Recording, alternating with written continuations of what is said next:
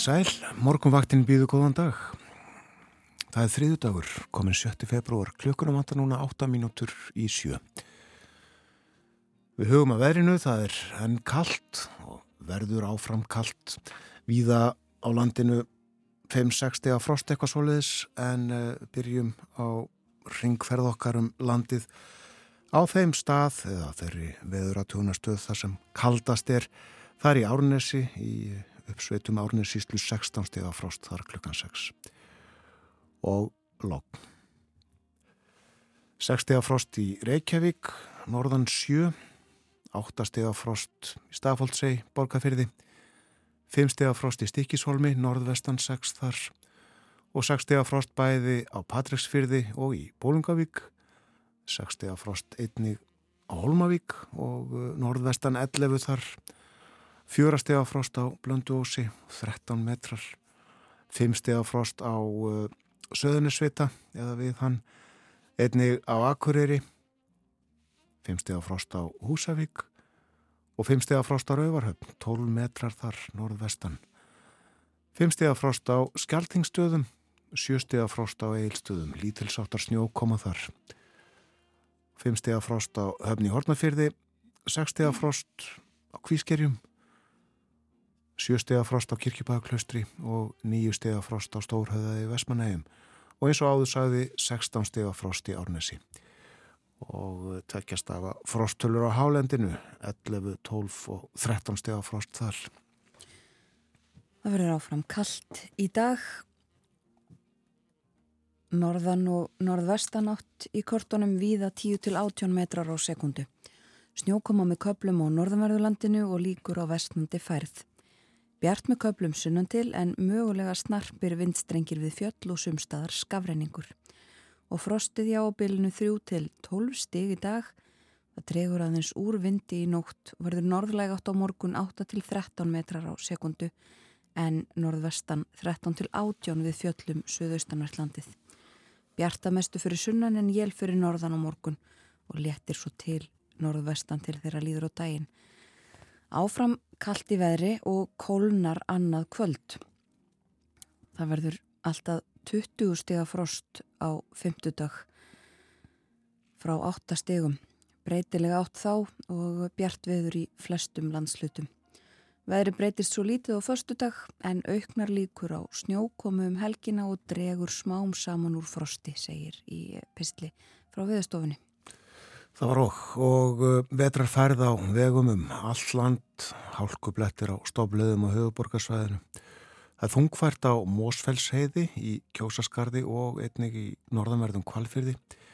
Þungfært á Fróðarheiði á Snæfellsnesi, hálka á skafreiningur á Holtaverðuheiði og uh, snjó þekja með skafreiningi á fjallvegum nokkrum á vestfjörðum. Það er þungfært við gangnamunna dýraferðagangana, begja vegna og uh, dýrnættisheiðin er lokuð, hún er ófær og það er líka ófært norður í Árnisrepp. Þetta eru skeitin sem eru komin frá vegagerðinni en uh, við verið að kanna ástand á vegum um alland og uh, segjum frá stöðumála eftir því sem fréttir berast. Við hlustum á tónlist hlustum á lag með Melanie, hún var vinsæl söngkona og lagahöfundur á sínum tíma, engum uh, held ég alveg öruglega áraunum kringum 1970. Melanie lést fyrir tveimur vikum og uh, við ætlum í dag að leika nokkur lög með henni og hér syngur hún lagið sitt Pebbles in the Sand, það sungið um steinvölur í sandinum.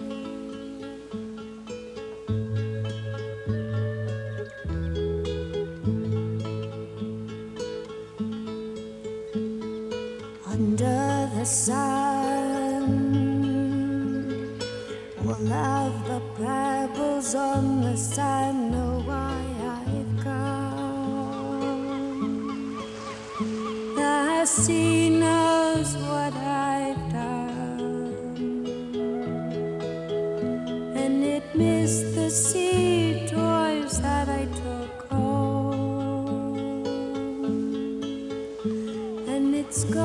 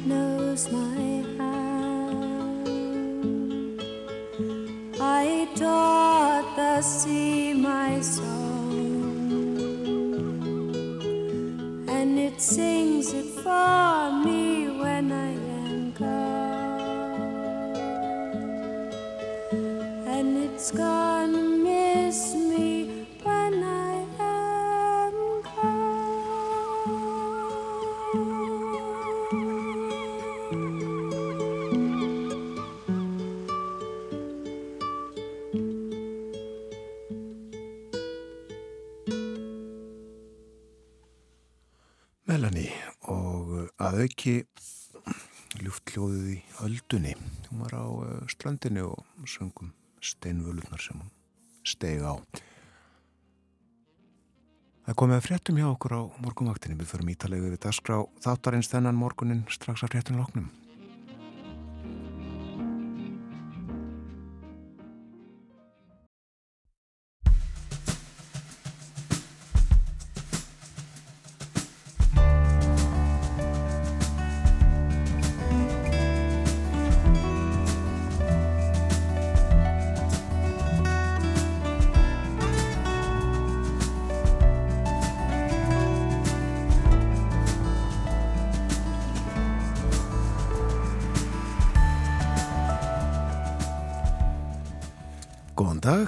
morgunvaktin helsar þriðudaginn 7. februar um sjónamenn eru Þórun Elisabeth Bóadóttir og Björn Þór Sigbjörnsson. Við hugum að grindvikingum í dag og heyrum hvernig þeim gengur að sækja eigur sínar og koma sér fyrir til næstu mánada eða missera. Hvernig hefur stjórnvöldum tekist upp, tekist upp við að taka utanum fólkið eins og þau hafa marg lofað og hvernig er lífið almennt þessa dagana? Ásrún Helga Kristinsdóttir, fórseti bæjastjórnar Grindavíkur, verður með okkur klukkan hálf nýju. Í Berlinarspjalli segir Artúr Björgum Bodlason okkur frá tíðundum sem að barust út um Þýskalandum helgina. Þess efnis að eftir tvö ár er von á nýjum líftæknilifjum við krabbameini. Það er fyrirtækið BioNTech sem hefur þróað þessi nýju liv en það var í farabrotti við þróun bóluefnis gegn COVID-19 á sínum tíma. Artúr verður í símanum frá Berlín eftir morgun fréttinar klukkan átta. En fyrsti viðmælandi þáttarins þennan morgunin verður Þórður Snær Júliusson reittstjóri heimildarinnar sem í dag rínir í afkomin okkur að fyrirtækja á síðast ári og segir okkur við hverjum á búast af hálfu peninganemdar Sælabankans sem tilkynir vaksta ákvörðun sína í fyrramálið og greinir frá sínsinni á þróun efnahagsmála. Það er kallt á landinu og uh, verður áfram kallt. Þessir norðanvindar leika hér um landið áfram og uh, býta í uh, nef og kinnar. Og búist til snjókomu á norðanverðu landinu í dag. Og uh, frostið að, hvað, 12 stigum eitthvað svoleiðis. Og uh, það eru enn kaldar að setna í vikunni uppinni 20 stig á frostjafell og það er þæfingsfærð uh, til dæmis á fróðarheiði við nefndum það hér fyrir fréttinnar áðan. Og það er líka slemt ástand á, á uh, heiðum á vestfjörðum. Það er snjóþekja og skafrenningur. Uh, dýnendis heiði lokuð. Og skafrenningur á Holtavörðu heiði og svo segir um Norðurland vegna slemsveðu smá búast við að færð geti spilst fljótlega í skagafyrði gæti komið til lokana annars er hálka eða snjóþekja með jæljagangi á flestum leiðum í húnavarsíslum þæfingsfærð á þverarfjalli og uh, einnig á nokkrum leiðum kringum söðorkrók þungfært í langadal snjóþekja og skarreiningur á aukstandalsheiði og syklufjörðavegur er ófær og uh, vegurinn um Möðrudalsöðravegi er lokaður vegna veðus yfir sás mér eitthvað Það held ég ekki. Þetta eru svona stóra myndin og uh, svo að það er já vetrarfærð um allt landið.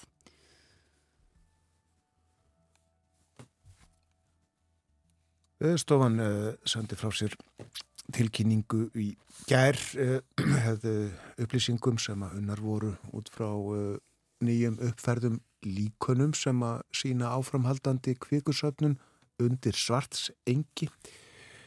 Já, kvikusöfnunin heldur áfram þóttu aðeins hafi hægt á landrisinu þar síðustu daga og ferlið er mjög svipað því sem að var fyrir gósin í desember og janúar og uh, það er áallad um að um 9 til 13 miljón rúmmetrar kviku hafi streymt frá kvikusöfnarsvæðinu undir svartsengi þegar kvika hljóp þaðan og uh, það gauðs nærri hagafelli 14. janúar og uh, magn kviku undir svartsengi nú er uh, metið um 9 miljón rúmmetrar þannig að þetta er komið þarna í neðri mörkin sem að uh, voru þegar gauðs síðast Það eru taldar auknar líkur á kvikulaupi og eldgósi á næstu dögum eða vikum.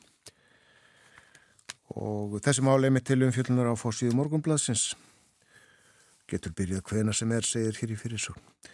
Nú, uh, það er áfram fjallaðum uh, þessa brú sem að áformað er að uh, reysa yfir fósvóin og fjallavarum í blæðinu í gær og áallan gerir ráð fyrir að hún kosti tæpa nýju miljardar og uh, kostaða matið uh, hefur hækkað tölvert frá fyrstu áallinum. Kemur hér fram að uh, Jón Gunnarsson alþingismadur á samt Vilhjálmi Árnasinni þingmanni gekk á fund ríkisendurskoðunar fyrir nokkru. Og þeir viðröðu við að náðugjur sínar af þróun mála og sívaksandi kostnaðar hækkunum fór svo sprúar Ríkisendur skoðandi er að skoða málið, er haft eftir Jóni sinni hér á fórsíðu morgunblassis. Og uh, svo er það tíðandi af kjaraverðanum, rætt við Vilján Birgisson, forman starfskreina sambandsins, sem segir við erum hægt og bítandi að riðja ljónum úr vegi, þau eru ekki öll farin en þeim fækkar, hverfa eitt af öðru. En hvort við náum að riðja þeim öllum burt verður tímin að leiða í ljós og svo er hér á fórsíðinu líka sagt frá því að eh, Karl Bretakonungur hefur greist með krabbaminn og hefur er komin í leiði frá uh, öllum ofinbyrjum skildum gengst undir uh, leknismæðferð. Já, og það er svo að segja eina frettin á fórsíðunum í Breitlandi þennan morgunin alls konar frettir um þetta mál innmitt, það var ekki gefið út hverskins krabbamenn konungurinn greindist með bara að uh, það fannst við þessa aðgerð sem hann fór í síðustu viku og hann hefur hafið meðferð og uh, sagt frá því á mörgum fórsjónum að konungurinn sé mjög bjart sín. Það er gott. Við lítum í Erlend blöð hér eftir smá stund en við minnumst í þettinum í dag bandarísku tónlistakonnar Melanie sem að lést fyrir tveimur vikum. Melanie fættist 3. februar 1947. Hún hétt fullunafni Melanie Ann Safka og uh, setna bættist Sjerkerik við uh, eftir að hún giftist Pítur nokkrum Sjerkerik. Hann var upptökustjóri. Móðurinnar var af ítölskum ættum og uh, fadirinnar af ukrainskum ættum. Mamminar var jazzsöngkona og aðeins fjörar á gömul söng Melanie í fyrsta sinn openberlega. Það var í beitni útvarpsútsendingu. Fyrstu árein bjó fjölskyldan í Queens hverfinu í New York en flutti til New Jersey og uh, þar gekk nátt hann í skóla og svo sagaði sögð að henni hafi verið meinað að sækja útskriftar aðtöfnina í framhaldsskólanum þar sem hún var uh, og uh, það vegna vanskila við skólabókasafnið. En segja má að hún hafi fengið uppreist ærutæpri hálri öll síðar þegar hún var tekin í fræðarhöll skólans. Hlustum á Melanie flytja lægi sitt Brand New Key.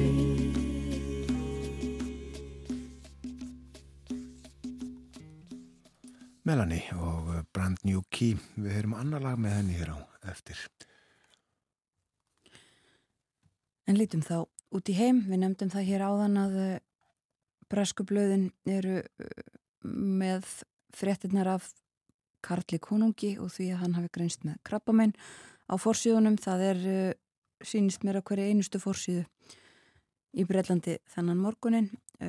Sagt frá því að já, hann sem er krabbamenn sé jákvæður.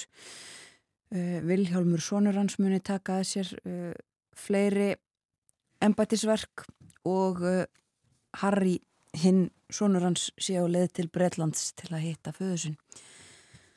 Harry býr í bandaríkjónum með fjölskyldu sinni og hefur verið uh, mikið fjallað um styrt samband þeirra á milli uh, já, um nokkura ára skeið núna. En þetta er stóra fréttin á öllum fórsíðunum í Bretlandi þennan morgunin. Í Danmörku á fórsíðun og politíkin er fjallaðum önnur mál. Uh, myndin á fórsýðunni er úr skólastofu og sagt frá því að stjórnvöld í Danmörku séu nú að skoða möguleika náði að banna síma og samfélagsmiðla í uh, skólum. Og uh, það sé verið að skoða þau mál. Um, við töluðum með mitt um samfélagsmiðla og komum aðeins inn á skólana hér í gær. Tilefnið var afsökunarbeðinni Mark Zuckerberg fórstjóra Meta eh, sem baðist afsökunar á slæmum áhrifum sem að eh, þessir miðlar hafa haft á börn sérstaklega. En fréttin á fórsýðun á politíkin, stóra fréttin eh, fjallar um andlega hilsu Dana. Hún hefur aldrei verið verri samkvæmt nýjum tölum frá heilbriðis yfirvöldum í Danmörku. Og það eru sérstaklega ungar konur sem að hafa það slæmt. Uh, fleiri eiga í vandraðum með geðhelsu sína og uh, sérstaklega ungar konur. Það er fórsjöfrettin á uh, politíkan í dag. Á danska blæðinu Informasjón er fjallaðum uh, um, um loftslagsmál og byggingar yðnað. Sagt frá því að, að samtök yðnaðarins þar í landi vilji ekki endilega undirgangast svona loftslags uh, sáttmála eða loftslags kröfur í byggingabransanum. Í Svíþjóð er uh, umfjöllun á fórsíðun á Svenska dagbladet um uh, sprengingar. Það varð þriðja sprengingin á fjórum dögum í Stokkólmi í aðfara nótt mánudags og lögurögla segir að, að þetta sé síðasta tilræðið eða nýjasta tilræðið öll heldur í þessum gengja uh, stríðum í Svíþjóð. Og uh, á fórsíðunu á, á dagins nýheter líka í Svíþjóð þá er fjallum fangelsismál. Það var líka gert í gær sagt að það væri gert ráð fyrir mikilli fjölgun fanga í Svíþjóð og fangelsisplásum Það eru nú einhverstóra bylnu 6-7.000 manns í fangelsum í Svíþjóð en uh, það er í undirbúningi sögulega mikil stækkun á fangelsum og fjölgun plássa. Gert ráð fyrir því að, að tugir þúsunda fangelsisplassa bætist við á næstu árum og á, uh, eftir tíu ári er gert ráð fyrir því að, að uh, það verði einhver staðar upp undir 30.000 manns í fangelsum í Svíþjóð fjallaðum þetta í fleiri sænskum fjölmjölum og uh, á fórstíðun á Daniels Nýheter í dag er, er útgangspunkturinn sá að þessi stækkun og þessi áform stjórnvalda uh, hafi það líka í förmið sér að það verði að fjölga fangavörðum og starfsfólki í fangelsum verulega uh, og nú þegar séu uh, erfiðleikar við það að manna fangelsi í Svíþjóð. Í bandaríkjunum Á fórsíðinu Washington Post uh, er mynd frá Kaliforníuríki þar sem að uh, mikið hefur ringt, við nefndum það hér í gerðmorgun að, að það ringdi þegar að Grammy velunaháttíðin fór þar fram á sunnundagskvöld og uh, í gær voru mörg hundru þúsund manns án Ravmax uh, að minnstakosti tveir hafa látist þegar að tre fjallu á viðkomandi og það eru flóð og örskriður og uh, slemt ástand víða í ríkinu. Á uh, fórsíðun á New York Times er uh, mynd, hún er frá Úkrænu, sínir þrjá hermenn og fjallaðum áform Selenskís Úkrænu fórseta um að gera tölvert mikla breytingar á leðtóum innan uh, úkrænska hersins. Þetta hefur verið til umfyllunar í, í einhverja daga og uh, hann ætlar að ráðast í uh, mikla endur skipulagningu. Segir það nöðsynlegt, hafi verið nöðsynlegt, hann er að gera þetta þessa dagana til þess að blása nýju lífi í varnar baráttu úkrænumanna gegn rúsum. Og svo er líka fjallaðum Antoni Blinken, auðaríkisráð þeirra bandaríkjana og uh, fundi hans í Sáti Arabíu í gær hann uh, er þar í í miðausturlundum það er að segja í fymta sinn frá því að uh, frá því í oktober og reynir að gera sitt til þess að koma á vopnallið á milli Ísraels og Hamas. Hann er nú á leið til Egiptalands til að halda þessum, þessu áfram halda áfram að tala við leðtóa. Ég ætlar að hitta fórsita Egiptalands í dag og ræða þessi mál um, og áfram ímislegt á seiði, uh, árásir halda áfram á gasa og uh, bandaríkjumenn hafa líka haldið áfram uh, sínum dróna árásum fleiri árásir á húta í Jemen og uh, sömulegði sagt frá því að, hútar hafi ráðist á, eða að það hafi verið ráðist á brest skip sem var að uh, fara um Rauðahafið en uh, enginn hafi líst yfir ábyrð á því. Það var urðu lítilsáttar skemmtir á, á þessu skipi. En aðeins aftur til Norðurlandana eins og hlustundum er kunnugt líklega þá eru uh, fórsöldukostningarnar í Finnlandi það er setni umferðin á sunnudaginn næstkomandi. Og nýjar kannanir uh, sem að sagt er frá í finnskum fjölmjölum í dag. Uh, Alexander Stúp er enn með fórustu en Pekka Havistó sækir á segir í frettum í finnskum blöðum.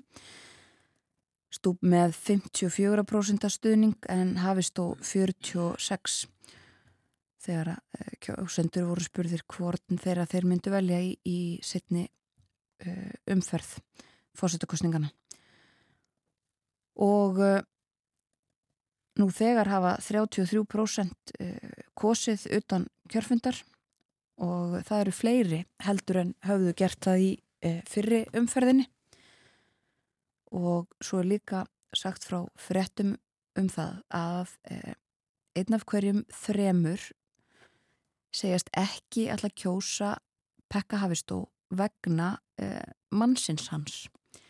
Hann er eh, í sambúð með eh, manni sem heitir Antonio Flores og er frá Ekvator og eh, það var háskólinn í Helsingi sem að gerði könnun og eh, einn af hverjum þremur sem sagt sögðu uh, Flores vera ástæðu fyrir því að kjósa ekki pekka hafistó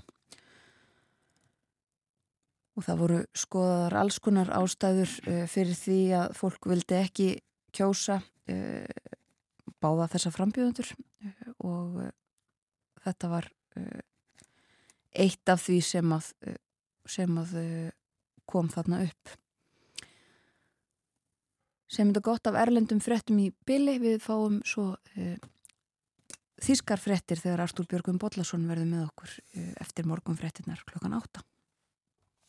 Og uh, hlustum á Melanie og þessu sinni lagi sem án er líklega hvað þekktust fyrir Lay Down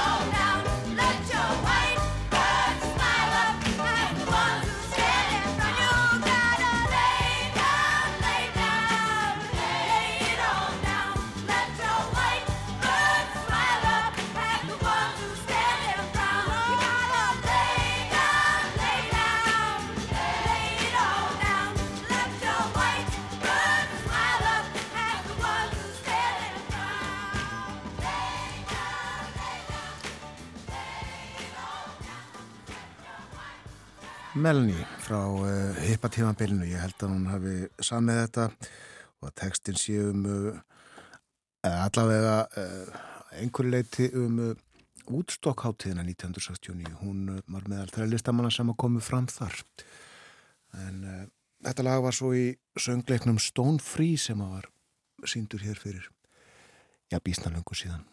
Held að Emiliana Torrini hafi þá sungið þetta lag.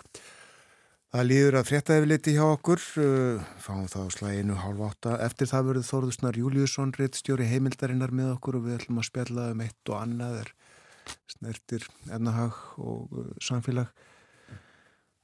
Meðal annars að uh, tala um ákomu tekja fyrirtækja sem á dögunum byrtu uppgjör sín fyrir síðasta ár og svo er ég á vaksta ákvörnar Sælabankans eða peningastefn nefndar hans að vænta á morgun og við veltum fyrir okkur svona við hverju búist er.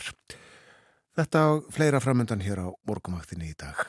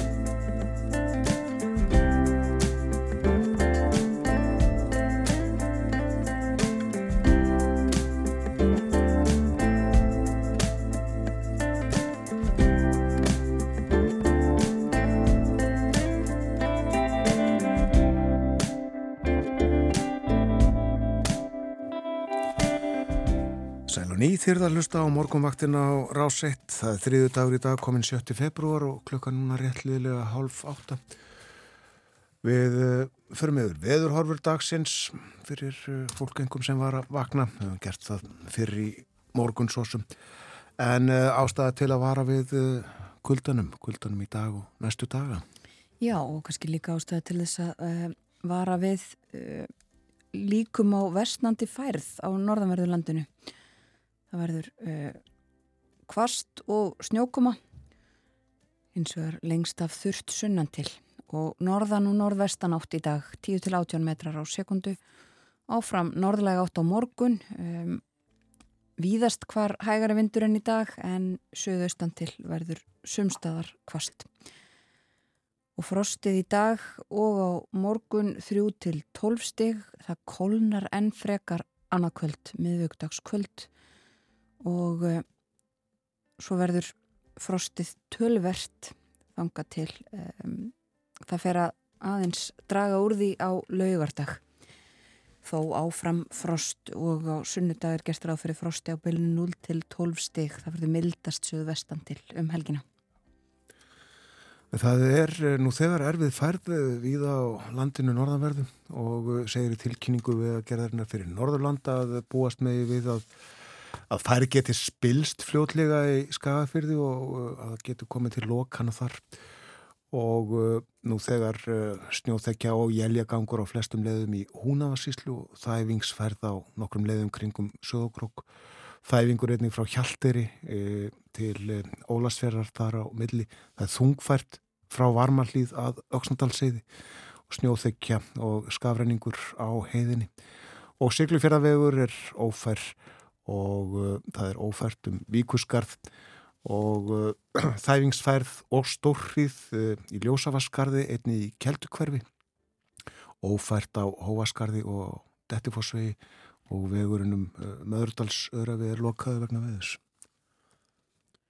Minnum á það að hér eftir frettinnar klokkan átta verður Artúr Björgum Bodlason með okkur, segir okkur uh, tíðindi frá Þýskalandi og í síðasta hlutu þáttarins þá ætlum við að tala um Grindavík, um uh, stöðumála þar. Uh, Ásún Helga Kristinsdóttir, fórseti bæjarstjórnar, verður með okkur. Segir okkur meðal annars frá því hvernig við gengið síðustu daga að uh, fara inn til Grindavíkur, sækja og bjarga verðmætum. Við ætlum að tala um ímislegt sem að þessu við kemur í síðasta hlutu þáttarins. Þórðusnar Júliusson, reittstjóri heimildarinnir er komin til okkar. Góðan dag og velkomin. Góðan dag. Við ætlum að tala um ímislegt. Byrjum á uppgjörum. Þau eru að koma fram uh, þessa dagana og vikurnar sem sína hvernig fyrirtækjum vegnaði á nýliðinu ári og þú ert með tvö meðferðis. Byrjum á landsbankanum. Hvernig gekk reksturinn hjá landsbankanum á síðast ári? Hann gekk tölvöld betur en árið og undan. Hagnaður landsbankans árinu 2023 var 33,2 miljardar króna og á grunni þess hagnaðar ætlar hann að greiða eigendum síminu sem eru uppistuð Ísliska ríkið 16,5 miljard króna í arð sem er sama uppæð og, og nýjar höfustuða landsbankars kostuðan þegar þær voru byggðar og það eru náttúrulega verið að taka þær í gagnir núna eh, samkvæmt ásveikningum en það er aðeinsvægt að rýna aðeins í það hvað það er sem veldur þessu mikla viðsnúningi á genginu. Það er að segja landsbókin hagnast um 17 miljardar árið 2022 og þarna er já, næstum um töföldun á, hagnaði að ræða. Og viðsnúningurinn fælst aðalega í því að, og núna verði að gefa mig smá sögurum fyrir teknitalið, e, í að gangverði hlutabrið eignar hans hækkaði mikið.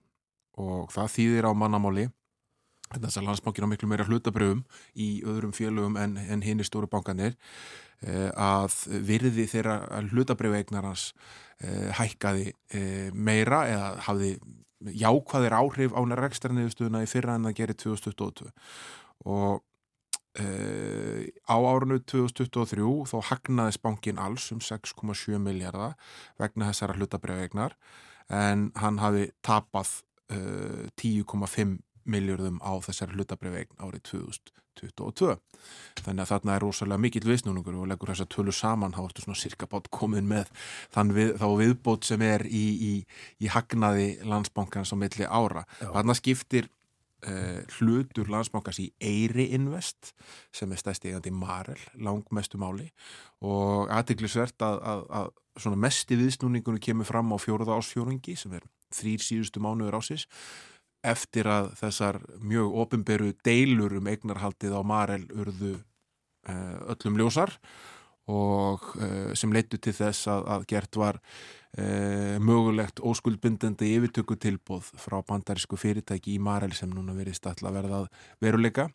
Og þá hækkaði gengi Marel mjög mikið vegna þess að, hérna, að yfirtökutilbúið var tölvert yfir skráðu markaskengi á þeim tíma. Einmitt. Þannig að öll svo dramatík, svo sópópera hafði mjög jákvæð áhrif á niðurstöðu ríkisbankans.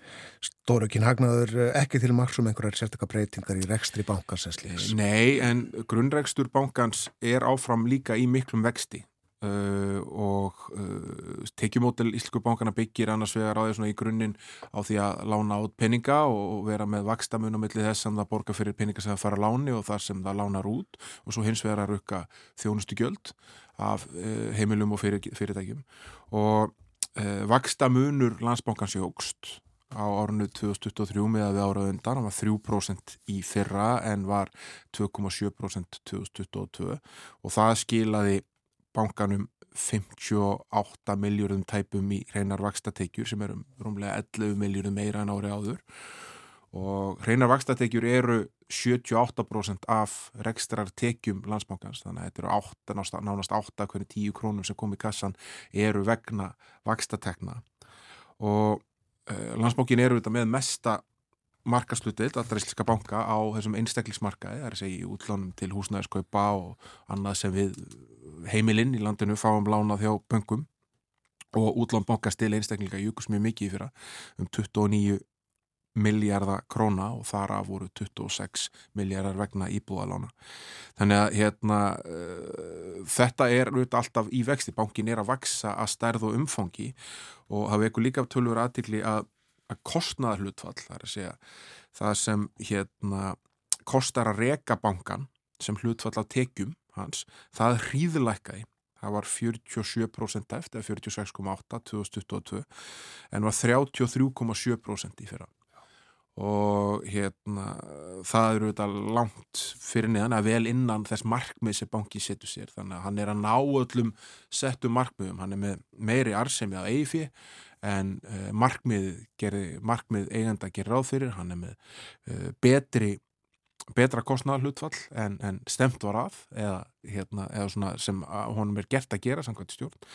Þannig að hérna, það má segja heilt yfir að, að þessi rekstur sé ansi stöndugur svo vægt sér til orða teikið. Er vona á uh, uppgjörum frá hinnum bönkunum? Já, já, þetta er alltaf koma inn núna uh, og munu núna bara á næstu dögum og vikum uh, öll þessi skráðu félög skila sínum uppgjörum.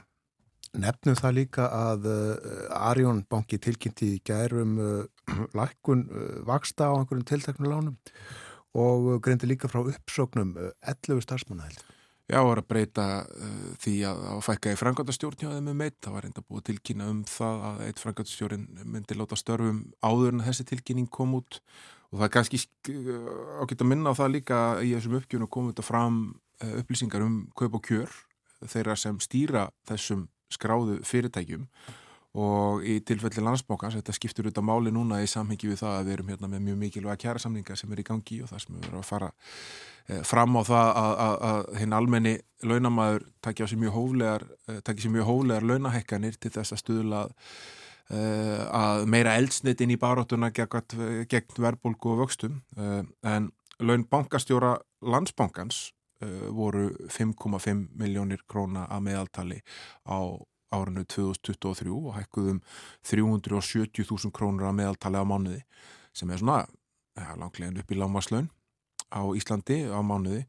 Og uh, laun og hlunnindi formans bankaráðs sem eh, stýrir bankaráðinu þau hækkuðu um umtalsvert eða um 21% á milli ára. Uh, bankaráðsformaðurinn var með um 1,7 miljónir á mánuði þegar allt var tiltekið laun hlunnindi og mótframlagi lífyrsjóð Gott, hjá þeim. Hvað með Æslandir? Þar var hagnaður fyrsta sinni mörg ár? Í fyrsta sinni í sex ár var hagnaður hjá Æslandir. Árunum að undan hafði félagi tapað 80 miljónu króna og gengið í gegnum mikinn rúsipana uh, með miklum tilkostnaði, maður segja samfélagslegum tilkostnaði vegna þess að það er ekkit félag sem fekk, ekkit fyrirtæki í Íslandi sem fekk meiri stuðning í gegnum koronaviru tímabilið en Æslandir þó þótti mjög þjóðaslega mikilvægt að Æslandir væri stakk búið til þess að hefja rekstur og, og, og stórfældan rekstur strax og, hérna, og ummyndi léttast uh, til þess að koma ferðarþjórnstun aftur í gang. Uh, Æslandir fór í gegn tvær hlutafjóraukningar á, á þessu tímabili og þyndi þar niður þá fyrfirandi hlutafi sem voru stórleitu íslenski lífyrirsjóður og stóði miklum kjaradeilum við uh, starfsfólk sitt það sem það var að vera að knýja það til þess að vinna meira og, og, hérna, og, og alla uh, uh, laun sín að einhverjum nýjum veruleika. Þannig að hérna, margt að þessu umdelt sem átt sér stað og allt átti þetta að vera til þess að þeir myndu koma svona, með miklum látun tilbaka mm. og leiða þessa uppreysn og endurreysn í Íslensk efnaðslífs og í fyrra áttu við næst stærsta ferðamann ár í Íslandsögunni Eh, fórum vel yfir 2 miljónu ferðamanna aftur og Æsland er jók farþegafjöldar sinn um 17% á milli ára. Uh, og þeir er ekki bara þeir sem koma á heimsæk Ísland heldur líka eru svo kallu transitfarþegar sem fljúa hann okkur frá Norður Ameríku stopp á Íslandi er fara valla út úr flugvölinni og yfir til Európu og svo aftur tilbaka sem er uh, stærsti hlutin af þeim sem fljúa með Íslandi er. Uh, en þrátt fyrir að Æslandir hafi skilað hagnaði uh, skilaði eins og háls miljardar hagnaði þá er sá hagnaður langt, langt, langt undir væntingum. Það er að segja að það var búist við því að Æslandir og lagðuð upp með það að Æslandir myndi skila hagnaði sem er því 4-6% af heildartekjum á árunnu 2023. Það var uppurunlega markmið, rekstara markmið fyrir árið og félagi sendi síðan fór þessar afkomi viðurinn í september þar sem var gert grein fyrir því að rekstrarhagnaður nýrði á bylnu 3,3 til 4,3% og frá september og þetta út árið gerði smart. Og hérna þeirra atbyrði sem áttu stæði grinda ekki sérstaklega sem verist hafa haft tölver áhrif á íslenska ferðarþjónustu og uh, hafa haft áhrif á bókanir í íslenska ferðarþjónustu það hefur gætt einhvers konar miskilnings í fréttaflutningi við að erlendis um það að hér sé ekki um jarðhræringar eða eldsumbrót sem eru á afmörkuðu svæði heldur einhvern veginn tengt við Ísland í held uh, og fólk í ferðarþjónustu geranum hefur kvartað yfir þessu. Uh, og í enda dags var rekstrahagnaðurinn litlu meir en árið 2022 og 1,4% af rekstratekjum og það er eins og ég sagði á hann tölvert langt undir markmiðum og, og maður sá það á markaðinum daginn eftir að uh, það var ja, ekki sérstaklega mikil ánægja með uh, þessa niðurstöðu hjá fjárfærstum. Lækkaði gengið? Það lækkaði um 9, ja, um, um, rétt um 9,3% held ég. 9,3%? Rómlega 9% uh, á fyrsta degi, uh, bara slett 9% held ég, daginn eftir að ásökjöru var kynnt. Þannig að það, þau viðbröð sína það að fjárfærstir, fjárfærstar áttu von á meiru eftir næst besta, besta ferðamann ári í Íslandsögunni. Mm. Það var uh, líka sagt frá því fyrir nokkrum dögum þorður að það er uh, verða breytingar eða uh, það eru fleiri sem að eiga uh, fleiri en eina íbúð. Það var verið að gera uh, eða taka saman yfirleitt yfir, yfir eigandur íbúða hér á landi. Já uh, og margt aðeinsvært í því það kom runnar fram að hérna, satt að þessu tvær mjög aðtiklisverða frétti sem byrtust uh, tilkynninga sem hafa byrst á heimasíðu húsnæðs og mannverkistótunar undanföndum dögum, önnur bara í gæri ef ég mann rétt, sem sýnir það að uh, nýjum íbúðum er að fækka og svara ekki eftirspurt með að við íbúðaþróun. Það er að segja að uh, í fyrra fjölgaði nýjum íbúðum um, um 3079 á meðan að mannfylgdaþróunin Uh, gefið til kynna við um þurft að byggja uh, 4000. Já. Þannig að þá vantar svona cirka 1000 íbúðir til þess að við höldum í þróununa. Og hafið þessa tölu í huga þegar við færum okkur yfir í hinnatilkynninguna sem kom núna í byrjun mánadar og uh, í henni fælst sagt, að af þessum íbúðum sem urðu til er eignarhald á íbúðum í fyrra Eh, var þannig að þeir sem voru að kaupa sér sína fyrstu íbúð, þeir voru mun færri eh, en höfðu verið á árunum undan eða um þúsund. Eh, þeir sem voru eiga eina, einungis eina íbúð, þeim fjölgaði um 1047 eh, í fyrra. Til samanburðar fjölgaði um 2800, 2020, 2421 og 1322. Þannig að hérna, eh, þarna uh, já, þeir sem er að kaupa sína fyrstu íbúð, þeim fækkar. Þeir sem eru eins og er að kaupa sér sína aðra, þriðju, fjóruðu, fymtu og jafnvel sko, eitthvað ennþá herri tölu, þeim fjölgaði gríðarlega. Já. Þeim fjölgaði um, um vel yfir 2000 og það er mesta aukning sem eru orðið þar frá 2010. Þannig að það eru fleiri að kaupa sér auka eign heldur en eru að komast inn á húsnæðismarka. Bæði einstaklingar, fleiri einstaklingar að kaupa sér auka eign og auðvitað félög. Og það er ekki gerið greinamunir í þessu tölum á og hagnaðadrifnu félögum eða þeim sem eru drifin áfram að eitthvað svona hagnaðasjónamiðum uh, en það er þannig að þeir sem svona einingar sem eru að kaupa til dæmis félög sem eru að kaupa uh, eiga yfir 20 eignir, þar er tölver aukning á milli ára. Og það gefur til kynna að þarna séu þá einhvers konar leigufélög sem er að kaupa upp mikið magna af húsnæði. Mhm. og það getur auðvitað verið hægkvæmt fyrir þá sem uh, til dæmis er að býða eftir uh, svona a- almennum íbúðum eða félagslegu húsnaði að þetta sé að gerast vegna þess að kostnaðurinn uh, hjá slíkum óhagnaðadrifnu legufjölum er, er 60% minni en hann er hjá þeim sem eru hagnaðadrifnum og þá býst meira af ódýrara húsnaði fyrir þá sem geta ekki komið sér inn á egna markað og, er að býða eftir ódýrara leguhúsnaði uh, en við veitum það ekki alveg, það er ekki í þessu tölum er ekki gera aðskilan á það, en þetta er allan aðtiklisvert að það virðist vera meiri svona samþjöpun að stærri hluti af þeim eignum sem er að koma inn á markaðin, tvei þriðju hlutar virðist vera að fara til þeirra sem bæði einstaklinga og lögaðila sem halda á fleiri en eh, einni íbúð sé og flesti sem auðvitað halda á einni íbúð eh, eru þá að halda á íbúðinu sem þau búi, heimili sínu En má þá ætla að eh, þessar íbúðir séu á leigumarkaði? E, Það er nú eiginlega hægt að ganga út frá því í langflestum tilfellum. Við veit ekki geta, eru ekkur dæmi um það til dæmis að fjölskyldur eigi íbúðir sem uh, mismunandi fjölskyldu meðlimir uh, búi í, skilur, fóreldra eigi kannski tvæð þrjár íbúðir og börnið er að búi í þeim. Og þú veist það eru auglust svoleiðs dæmi og hérna og einhverju flóknari samsetningar af þeim.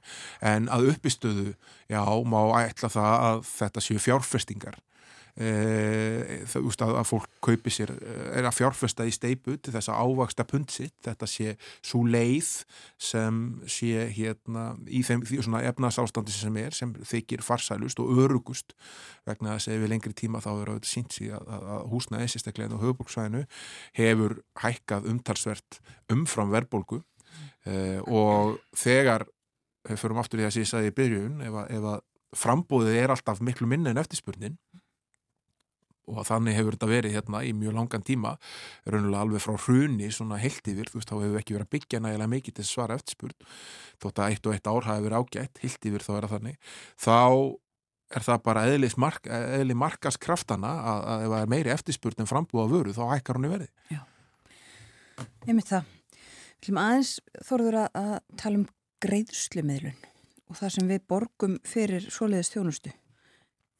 Já, uh, sko, Sælabankin hefur núna uh, verið í tölvert langan tíma, er hún nokkuð ár verið að tala um það að koma upp það sem að kallar óháð, inn, óháð innlend smágreislulust. Þetta hljómar líka teknilega flókið og til þess að útskýra þetta aðeins, þá er það þannig að uh, það eru svona þrjár meginlegi greiðslumilinar. Við notum hérna á Íslandi aðalega greiðslukort, 90-95% af því hvernig við borgum fyrir hluti er í gegnum debit eða kreditkort og að meiri hluta kreditkort sem er ólíkt því sem gerist annar staðar. Fyrir þessar notkun og þessum kortum borgum við gjöld, borgum þjónustu gjöld eh, við sem neytendur og þeir sem eru viðtakendur þeir borga líka gjöld sem fara þá út í verðið. Þannig að, af þessu uh, er síðan tölur hagnaði fyrir þá sem halda auðvitað um greiðslumiluna og svo erum við að borga svona 23% með selum og mynd. Inn á Íslandi, lítil notkun og selum og mynd. Og það sem selabanki raunlega vil gera er það að það veri komið upp einhvers konar önnu- önnuleið sem er svona millifæsluleið og bara í gegnum app sem er þá þannig að uh, og hann gerir þetta sagt út frá öryggisjónamiðum, segir þess að þjóðaröryggismál að vegna þess að greiðslumilun Íslendinga, við erum hérna með Visa og, og, og Masterkort sem eru erlend fyrirbæri og reikin síðan af umbúsæðalum hér á Ísland sem eru líka í eigu erlendra aðeila að sé þjóðaröryggismál að hér sé til smágreislu leið sem getur staðist hvað sem er, ég menna það stóð hérna í hruninu stóð þetta tæft að hér bara var hótað að loka greislukortum og það er ekki mörg ár síðan að, að netárásir gerðu það vökt, verkum að, að það högti e, smágreiskerfið hérna á Íslandi þannig að hérna Sælumákinu er stemt að þessu leitt og ljóst með, við litla ánægju þeirra sem hafa hag á því kerfi sem er til staða núna og, síðast í gær var lagt fram frumvarp á alþingi sem á að gera nú kleift að hérna svona fara að ráðast í næstu skref í því að búa til þessa millilaust og knýja þá fjármálafyrirtæki til þáttöku í því að komi svona ágætt sátt og meðal fjármálafyrirtækjum að taka þátt í þessu. Og í vittali við okkur í desember sagði eh, Gunnar Jakobsson var að segla bankastjóri að uh, er að vonast til þess að þetta geti jafnvel komið, verið komið í gagnið í haust eða snemma uh, vetus uh, 25 þannig að veist, þetta er svona daldi yfirvóðandi og það sem Sælabankin var að gera núna, þeir voru að byrta skýslu sem byrtist á föstudaginn sem var mjög aðeinsvert þar sem við vorum að fara yfir daldi kostnaðin af þessu fyrirkomulagi sem við erum með núna. Þar kemur meðal annars í ljós að áallega er að heimilin á Íslandi hafi greitt 12,3 miljardar í bein þjónustugjöld vegna uh, greiðslumilunar árunni 2022 og óbennu þjónustugjöldin sem þeir sem við kaupum vöruna af voru að borga voru 14,4 miljardar og þetta, ef við leggur þessar tvær tölur saman þá ertu cirka bát með áallan hagna þeirra fyrirtæki sem eru í greiðslumilinu Íslandi sem var 32,6 miljardar króna árunni 2022 og það er tekjur nei fyrir ekki við tekjur fyrirtækjana mm -hmm. og það er tekjur hækkuðum 37% á raunverið frá árunna undan og til þess að kannski setja þetta svona í, í nærtækara dæmi þá er þetta þannig að uh, hver fæsla með innleitu debitkorti innanlands kostaði 20 krónur að meðaltali fyrir hvert heimili og 118 krónur að meðaltali ef innlend debattkort var nota erlendis. Og hver fæsla með innlendu kreditkorti kostaði að meðaltali 51 krónur og hver fæsla erlendis 177 krónur. Og þarna ef að þessi leið Sæðlabankans uh, verður að veruleika uh, þá ef við að geta náð niður þessum kostnaði allverulega og þá uh, verður til svo staða að hérna, það verður til þetta, hérna, það er ekki verið að rukkin þessi þjónustu gjöld og þarna ætti að vera til mikið svigrum til þess að læka vörverð mm. og líka skila auknum peningum í vasan hjá heimilum landsins. Svo voru að koma í ljós hvort það verði veruleikin eða hvort allir mis fyrirtækin sem eru á hinnum endanum e, bregðist ekki við með því að lækka vöruverið en þarna ætti að vera til mikis að vinna og ætti að geta orðið gott innleik líka í þessar uh, kjaraverðar sem eru í gangi núna, þar sem allt snýst um það hversu margar krónur eru eftir í veski uh, neytandans í, í, í, í lok hvers mánas, eða í byrjun hvers mánas þegar hann er búin að borga af öllu þessu helsta og, hérna, og ef að krónunum sem hann er núna að borga í einhver þjónustugjöld, bein og óbein vegna debit og kreditkorta uh, notkunnar, þeim getur fækkað verulega með því að innleiða einhvers konar app þar sem hann raunverulega bara leggur inn á uh, þann sem hann er að kaupa og leggur bara inn á bónus eða krónuna eða ráftækjaveslununa eða hvað sem þú ert að kaupa með því að nota appið þessa innlend greiðslurist þá uh, ætti það að vera mikið og stórt hagsmunumál fyrir íslenska nefndur. Já Anna hagsmunumál fyrir íslenska neytendur og, og alla eru vextir. Við náum ekki að fara yfir þau mál í þetta sinn en það er vaksta ákverðunar að vænta frá peningastöfnum nefnd Sælabankus og morgun. Við ræðum það kannski næst en kærar þakki fyrir í dag Þorusnar Júliusson, Rittstjóri heimildarinnar. Takk.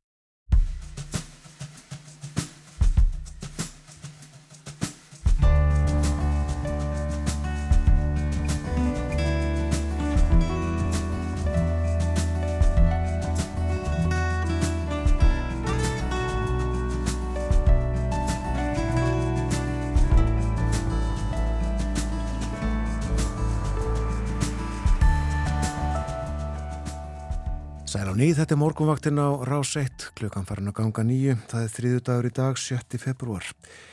Kallt á landinu í dag og uh, verður áfram næstu daga, 60 að frost í Reykjavík var nefnt en uh, það uh, er miklu kaldara en það. Það er þessi norðanvindur sem að uh, gerir að verkum að uh, það er eins og 14 steg að frost, segir uh, hér í, í einu forriti sem að ég er að skoða. Þannig að 60 uh, frost já, uh, það er allt í lagi svona útaf fyrir sig en uh, þegar uh, uh, dempist á okkur kaldur vindu líka að þá er þetta miklu, miklu kaldara. Já, borgar sig að búa sér vel fyrir daginn. Og þá enn eftir að kólna síður í vikunni. Hér fyrir fréttinnar var hjá okkur Þorðusnur Júliusson, reittstjóri heimildarinnar og nú erum við komin í samband við Artúr Björgum Bóllarsson í Berlín. Góðan dag. Góðan daginn. Við ætlum að fara yfir nokkur mál í spjallu okkar í dag. Við ætlum að byrja á uh, fréttum sem bárust af uh, krabbaminsrannsóknum í Þýskalandi. Við höfum þetta uh, heyrt margar fréttir af uh, krabbaminnum. Uh, það var alþjóðadagur krabbamins á sunnudag. Við rættum um þessa, þessi mál í gerðmorgun uh, með framkvæmtastjóra krabbaminsfélagsins og uh, það uh, voru sagðar fréttir af því að krabbamins tilfellum mun fjölga verulega á næstu árum. En nú berast góð tíðindi frá Þýskalandi. Já, það er alltaf að segja það og ekki skrítið að þetta skulle vera umrætt mál vegna þess að þetta er nú einhver mest í vágestur samtímans og, og auðvitað skelvilegt að, að því sem spáðu þessum tilfellum er þetta að fjölga á næstum árum. En, en það voru, það eru svona bjartir svolítið byrta í þessu öllu saman líka því það bárust þessi ánægulegu tíðindi emitt á krabbaminnstægin fyrir tveimur dögum, alþjóðlega krabbaminnstægin, frá líftækni fyrirtækinu BioNTech sem að menn þekkja nú frá því á, á dögum koronavirunar að forstjóri fyrirtækisins hann sendi frá sér yfirlýsingu þar sem að segir að það sé raunhæft að gera ráð fyrir því að mjög öflugt lif eða bóluefnu öllu heldur gegn krabbaminni verði komið í almenna notkun eftir um það byrju tvö ári eða árið 2026 og ég þurfti nú að eins og Njálf Fórum Dagalátt að segja mér eitthvað þremsinn um aðurinn í trú þetta verði að gerast. En, en sem sagt hans þessi Ugur Sahin sem er nú engin leikmaður í þessum fræðum, einhver þekkast til í teknifræðingur veraldarinnar og var ju sá sem að kom þessu bóluefni gegn uh, COVID-19 á, á, á heimsmarkaðinu á sínum tíma, hann það upp óstarlega á samt örum Þegar læknivísindin séu á górilega með að ná förstum tökum á krabbaminni og ja, allt fyrir að óskum að lækna þennan ræðilega á mannskeiða sjúkdóm. Og uh, Sahil segir að þetta byggist á þróun. Hann vil lefa sér að kalla uh, þekkinguna miklu og hann segir að krabbamins rannsóknir hafi tekið gríðarlega stökk fram á við undanfærin ár og framfæriðna séu svo örar að það sé hægt að sko bara raunhæft að, að gera ráð fyrir löfni gegn þessum vágesti okkar tíma og að það verður komið þetta líf sem um er ræða verður komið á markaðin á 2026 eða eftir tvö ár. Og undirstaða þessarar þessarar öru framvindu segir hann að séu þar miklu framfæri sem hafa orðið í, í stafræðni tækni og gerfigreind, þarna verðist nú gerfigrindin heldur betur verið að hjálpa til. Og þó hún sé nú umdelt eins og við vitum. Og hann segir að vegna þessa þessara hröðu framfæra þá sé sífælt að verða fljótleira að afla þekkingar sann reyna sann prófa þá þekkingu sem aflaðir og hangnýta hana síðan og eins og ég segi þá, þá er þetta nú engin uh, leikmaður í fræðunum því að fyrirtæki BioNTech eða BioNTech sem var stopnað á sínum tíma í borginni Mainz uh, hér í Þískalandi gengdi ju líki hlutverki í bólusetningunni gegn koronaveruna á, á sínum tíma. Og, og þetta fyrirtæki hefur verið að vinna um áratuga skeiðar ansóknum á livjum sem að geti sigrast á krabbaminni og það fylgdi sögunni í yfirlýsingu hérna Fórstjórnans kom líka fram að það verið að prófa núna um 30 mismunandi aðferðir í þessu skeini og, og þarna gerfigreindin vega miklu hlutverki. Og auðvitað er það þessi, þessi ribósa kjarnsýra eða mRNA sem að er líkil atrið í öllu sambandi. Og nú ætlum ég að fara vel, ég er nú ekki efnafræðingur og ekki sérstaklega mentaður í þeim fræðum en, en það er þessi kjarnsýra sem að finnst í umfrými allra fruma og, og, og, hérna, og RNA er þetta erðaefni sem að flýtur erða upplýsingar frá DNA við í prótín. Og þetta er þessi tækni sem hefur verið notuð, þessi líftækni sem hefur verið notuð og var notuð til þess að sigrast á COVID-verunni og Og hann stopnaði fyrirtæki á sínum tíma, þessi ágættum maður Sahin með konu sína Öslum Túriki, þetta eru kortveikja tísniskir innflytjendur eins og heyra mánafnunum mm. og, og þau segja að þessi tækni sé svo langkomið, þessi raunhæft eins og segja að að rekna með því að þessi nýju bóluefni sem fyrirtæki sé að þróa og eru í rauninni sömu ættir og þetta mRNA bóluefni sem var notað gegn koronaverunni getur verið komið á almennan marka ekki setna heldur en 2030 jafnvel. og þá eru það að tala um sko bóluefni sem að hægt er að nota gegn mörgum tegundum krabbaminnst nú spyrja mér kannski að byrjum við er þetta ekki bara gegn einhverju ákveðinu tegund. Nei þau eru bara hreinlega að, að, hérna, að þróa þarna bóluefni sem á að nýta skemmt fjöl, fjölmörgum tegundum krabbamins og, og uh, það, sko, þetta síni þessar rannsóknir hafa litt í ljós að, að þetta bóluefni það virkja ónæmiskerfi líka með þannig að það vinni á krabbaminninu, ekki bara uh, haldið í skemmum, heldur getur unnið á því og, og auðvitað náttúrulega þó að maður fagnir svona upplýsingum uh, gegn þessum skelvilega sjúkdómi sem hefur lagt fjölda fólks að velli og miljónur manna í heiminum og, og eins og þú sögður rétt á þann að þú varst að segja þorun að vona því að hann munni breyðast meira út á nestunni en næstu árum að þá að verður þetta þannig að, að þetta er engin loftkastalar smiður þessi maður og hann er mjög fær á sínu sviði og um það deilir deila engil og þetta fyrirtæki gríðarlega öflugt. Við mögum ekki, ekki glema því að, að þetta var ekkit sérstaklega stort fyrirtæki í mæns þegar að þegar koronafaraldurinn skall á og, og síðan náttúrulega ógst því fiskur um sig því það tók eh, rauninni fórust í baratunni við, við koronaviruna og þannig að e, það er bara, e, þetta er, mann þetta hljóma svona eins og, og vísendarlegt ævintýri hreinlega. Ef við um tekst þetta vóluefni og, og geta sett þetta markað innan farra ára það getur bara orðið mótvægi við þessar, þessi tíðindi sem að, að minnast áþórum þarna að uh, þetta verður breyða að kappa minn verði algengara því að ég hugsaði sem svo þegar ég heyrði þetta og sá þetta, ég bara hugsaði sem svo að, að ég meina, erum við kannski bara að komast á það uh, að krabba minn verði sennilega sjúkdómur sem að innan fára ára verður hægt að ráða við, haldi skefjum og lækna. Uh, skulum minnast þessa í, í, í hérna sögu læknavísindana hafa nú stutt í gest hvað nú til dæmis eru berglar sem var alveg gríðarlegt mál fyrir hverjum hundra árum til dæmis bara á Íslandi. Nú er þetta sjúkdómur sem er alveg horfin og, og lúnabolga drap hálfa þjóðina á sínum tíma. Það er enginn óttaslegið við það að fá lúnabolg í dag og kannski verður bara og við skulum vona það, vera bjart sín kannski þýða þessi tíðindi það að krabba minnið verður bara eftir kannski 30, 20, 30 ár bara sjúkdómur sem að lagði fólk að velli hér á árum áður eins og sagt verður og, hérna.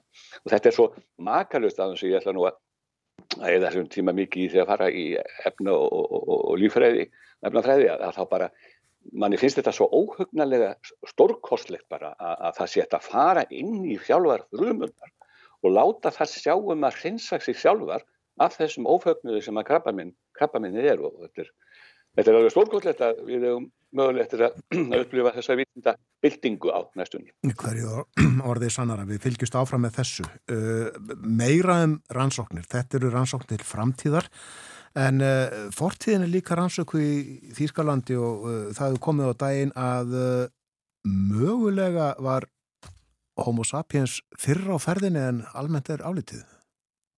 Já, kannski allt og slemma. Nei, það er nú annar mál, en, en þó að sko læknavísindin, eins og sétt, þú skilstu auðvitað sköpum fyrir okkar velferð og heilsu og það eru vísindi framtíðarnar, þá, þá er náttúrulega alltaf verið að kanna jörðina hér í Þískalandi og grafa upp ímsa hortmunni og þínlitt og, og uh, þar hafa átt sér stað alveg gríðarlegar framfæri líka því að við lifum alveg svakalegt byltingatímabil má segja á öllum sviðum vísinda og það á bæði við um, um, um framtíðarvísindi eins og, eins og það að berjast við krabba minn og líka náttúrulega fortíðavísindin eins og segir og það fotlefa fræðin sem er ákallega heillandi fræðigrein eh, eins og eh, við vitum að þá uh, hafa vísindamenn verið að þróa hér efnafræðarlega aðferði til að aldursgreina allskins muni frá lönguliðnum öldum og árþúsundun sem að jörðin hefur verið fyrir eftirkomindur og í svokalluðum Orladal í Týringen eða Þýringalandi sem er í austurhluta Þýskalands. Það er helli sem heitir Ilsenhul sem hellirinn og uh, við uppgræðast á, á fjóriða áratúr síðustu aldar þá fundist í þessum hellin mjög merkar forleifar frá steinöld. Uh, þetta voru aðalega hlutir eða leifar af munum sem tengast allskyns veiðimennsku. En uh, eftir að forleifafræðin fór að þróa sko, ennþá fullkomnari tekni til að greina hluti af þessu tægi þá var aftur byrjuð að rannsaka þannan sögufræða helli, hann er undir kastala uh, undir hæð sem ástendur kastali gammal eða kastali rústir og þá fundu vísendamenn uh, þarna tæplega tveggja metra þykkan steinnullung sem að uh, hafði verið í veginu, staði í veginu fyrir því að þeir kæmust dýpra þarna niður í jörðina. Og þeim hugkvæmtist að fjarlæga þennan nullung eða trónum á hans að, stjama neitt og undir þessum stóra steini fundur mann, mannabein sem reyndust vera jarneska leifa þessara dýrategundar sem þú nefndir og, og er kvölduð homo sapiens og við nútíma menn eigum að til þeirra. Ég segi eigum að til þeirra því að við horfum nú að háttalega þessar ágættu dýrategundar okkar dögum í heiminum að þá er nú spurning hvort það sé rétt að vera að kalla hana áfram vitiborna en þannig að en við kólefnisgreiningu þessara jarðvista leifa þá kom í ljós að þetta eru að þessar leifar af þessi mannabein eru um 45.000 ára gömul og uh, þetta þýðir að homo sapiens hefur verið komin fram á sjónasviði uh, þó nokkuð fyrr heldur en menn höfðu ætlað því að um 5.000 árum fyrr heldur en að tali hefur verið til þessa og þó að þetta hljómi nú kannski ekki sem mjög byltingakent uppgötun svona í eirum okkar óbreyttara leikmanna þá þýðir þetta samt sem áður og mér fannst það nú svolítið merkilegt að heyra frá, frá, frá því að, að þessi, þetta fyrirbæri homo sapiens hefur þá verið miklu lengur samvistum við annað frækt fyrirbæri neðandindalsmannin, svo kallaða sem var uppi á sem var á dögum í álfunni á þessum tíma og, og það sem meira er það kom líka fram í þessu að, að, að samneiti þessa homo sapiens við neandertalsmannin er talin verið skýringa því að í okkar erðamengi er töluvert um leifar frá þessum umrættu neandertalsmönnum eða hálfgerðu appamönnum eða markam á myndir sem hefur verið gerðað þeim á og uh, þessi neandertalsmaður er líka kendur við staði Hískarandi, það er að hann er kendur við uh, bæ, við dal í, í nákvæmni við borginu Dusseldorf sem að fjörðinir kölluðu Þuslaþorp á sínum tíma. Og, og þó að maður hafi enga sérstaklega sérfræðið heginga þessu sviði að þá er bara finnst maður þessi leikmanni býsta áhugaverð svo til svona forföður okkar hafi blandast þessum frumstæðu neðandettasmönum miklu lengur og meira heldur en haldið verið þessa þannig að þetta er mjög skemmtileg tíðindi sem er að koma úr jörðinu, forvitilega kannski til þess að skýra ölliti ok betur okkar uppruna í þessum heimi. Já, við erum búin að tala um framtíðina og fortíðina komum til dagsins í dag eða, eða nútímans við höfum talað um það Artur Björgvin þessa mótmælarreifingu sem að, er ansveg öflug í Þýskalandi gegn ADF-floknum og, og þjóðverðnisfasisma og, og það er enn uh, mikil virkni í þessari mótmælarhrengu. Já, já, það voru þú og 2000 manna sem fór út á göndundunum allt Ískarandu síðustu helgi, þetta heldur áfram. 2000 alltaf út á göndunum allar helgar og svo er það annað að fjöldi listamanna hefur nú líst yfir mikill ánöðu með þessi kröftu mótmæli gegn alls konar fasisma tilburðum og, og öfgafullri þjóðutnistefnu eins og AFD, Alternatífu fyrir Deutschland, hefur staðið fyrir. Og uh, þetta er ánægulegt að, að listamenn skuli taka þátt og ekki síst tónlistafólk. Og þar á meðal er, er svo frægir rockari út á Lindenberg sem að hefur nú, sem er svona, hann er eitt þekktasti þekktast að söngarskáld og eitt frægasti rockari þjóðveri, þeir verið átrúnlega góð þýskara tónlistar unnenda í, í ára tögi það var eldast aðeins svona en, en þá á hullu og hann samti með hans á sínum tíma mjög fríðarsöng e, samti þetta lag árið 2018 og e, þetta þennan fríðarsöng þar sem að, hann er að, að, að tala um að við um að halda til fundar við fríðin við tíininn fríðin heitir þetta lag og e, þetta hefur við sungið mikið um allt Ískaland og er tekið svona endurum á senu núna í tilumna þessum og virðum og hann hefur alltaf flutt þetta með barnakórum eða börnum. Og það er kannski rétt að, að hérna, heyra þetta svona áður en við, við hvernistu og má kannski nefna að það er barn sem kemur alltaf fram og fer með svona nokkur grundvallaratriði mannréttinda í byrjun sem eru nú tekinu á stjórnarskáni hér. Og, og sem sagt bóðar umbyrðarlindi og bræðralag og, og það skiptir ekki máli hvaða húðlit við erum með og, og hvaða við erum ættuð við hefna réttir þess að lifa og hafa það gott í þessum heimi og svo syngur hann þetta og þetta er alltaf sko lifandi flutningur og alltaf börnin sem taka þátt hann er alltaf haft svona barnakóra með sér í þessu. Þetta er magnaður friðarsöngur eins svona vinsærasta og frægasta tónlistamanns Þískarans út á Lindenberg. Já, við hlýðum á það. Eftir smá stund kærar þakkir fyrir spjalli í dag Artur Björgum Bollarsson í Berlín. Takk sem við leiðis Artur Björgun sað okkur frá hinn og þessu frá Þýskalandi og nú heyrum við í uh, þessum friðarsöng sem hann nefndi.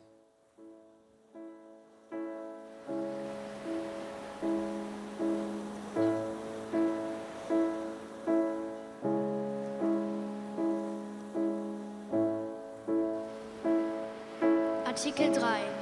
Niemand darf wegen seines Geschlechts, seiner Abstammung, seiner Rasse, seiner Sprache, seiner Heimat und Herkunft, seines Glaubens, seiner religiösen oder politischen Anschauungen oder seiner sexuellen Orientierung benachteiligt oder bevorzugt werden.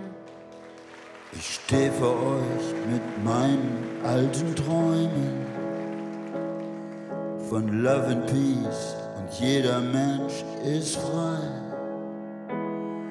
Wenn wir zusammen aufstehen, kann das wahr sein.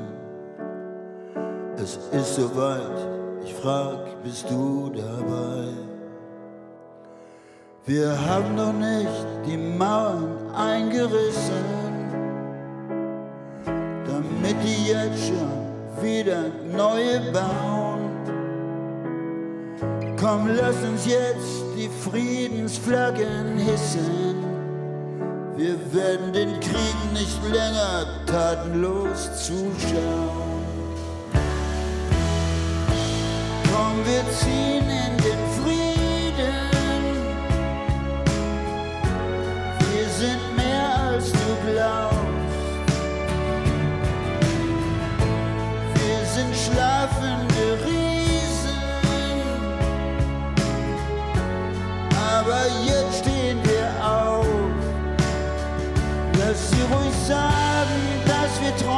sind. Am Ende werden wir gewinnen. Wir lassen diese Welt nicht untergehen. Komm, wir ziehen in den Frieden. Artikel 1. Alle Menschen sind frei und gleich an Würde und Rechten geboren. Sie sollen einander im Geiste der Brüderlichkeit begegnen. Wir sind doch alle Blutsschwestern und Brüder. Wir sind eine große Menschenfamily. Wir brauchen keine machtgeilen Idioten mit ihrem Schmiergeld von der Waffenindustrie.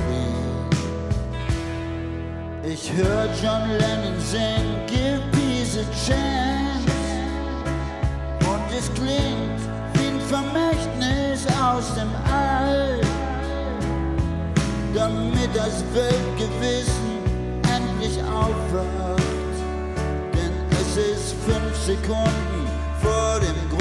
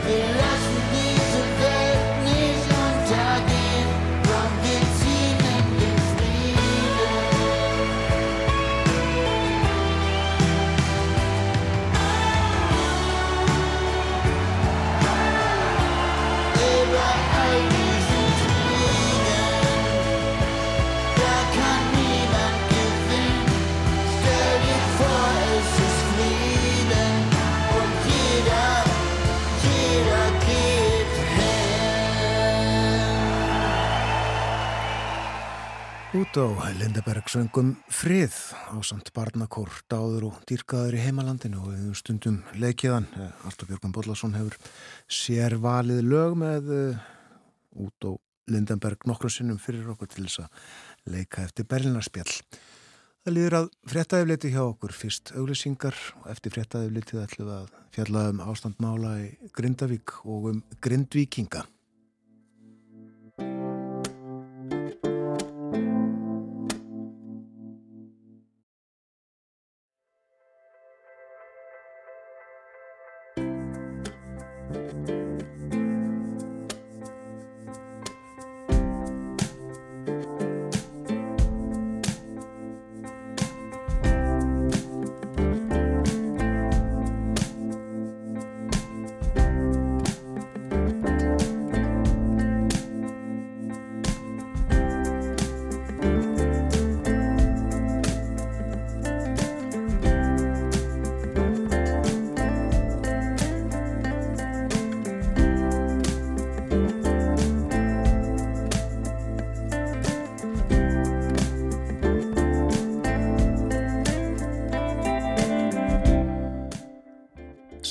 Þetta er morgunvaktin á Rás 1, klukkan er réttliðilega hálf nýju. Það er þriðu dagur í dag, 7. februar. Það er erfitt ástand, víða vegna veðus, vegir lokaðir, ófærir og aðrir óárennilegir í þæfingi og skafrenningi. Við hvetjum fólk til þess að kynna sér nákvæmt ástand vega áður en lagt er af stað umferðin.is veitir haldgóðar upplýsingar. Og uh, veður og færð á vegum hefur sett streiki reikningin hjá grindvikingum síðustu daga. Uh, það var það skerða aðgengi að bænum í uh, þrjá daga þeim sem áallega hafi verið að fólk gæti farið þangað inn í síðustu viku og helgina en síðustu tvo daga þá hefur fjöldi fólks getað farið þangað og hugað að eignum sínum, heimilum sínum og náði eh, dót, búslóðir og fleira.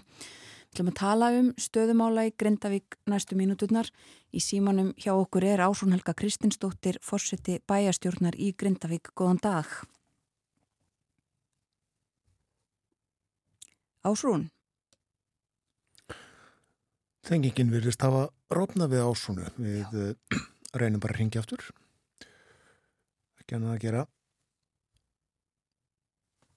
Já, ringjum áttur í ásúnu hún er einn þeirra sem var í Grindavík í gær uh, fór þangað og uh, vitjaði sinna egna ásúnu ertu í símanum?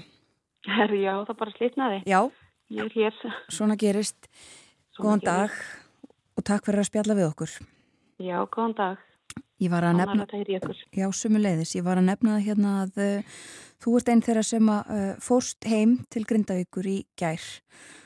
Og uh, byrjum bara aðeins á því, hreinlega bara hvernig var að standa í þessu, fara heim og, og vera í, í þessu öllu saman?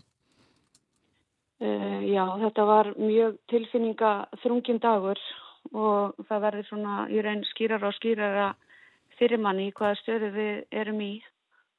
En maður eru upplifað það að það hefur fallið mörg tár síðustu daga og, og það er mikið áfall að neðast til þess að yfirgefa heimilið sitt og, og samfélagið og, og hefja líf á öðrum stað. En þessi dagur í gær var samt svo fallegur fannst mér. Mér fannst einhvern veginn svona erfiðara þegar ég var ekki komin en svo þegar ég sko, kom á staðinn.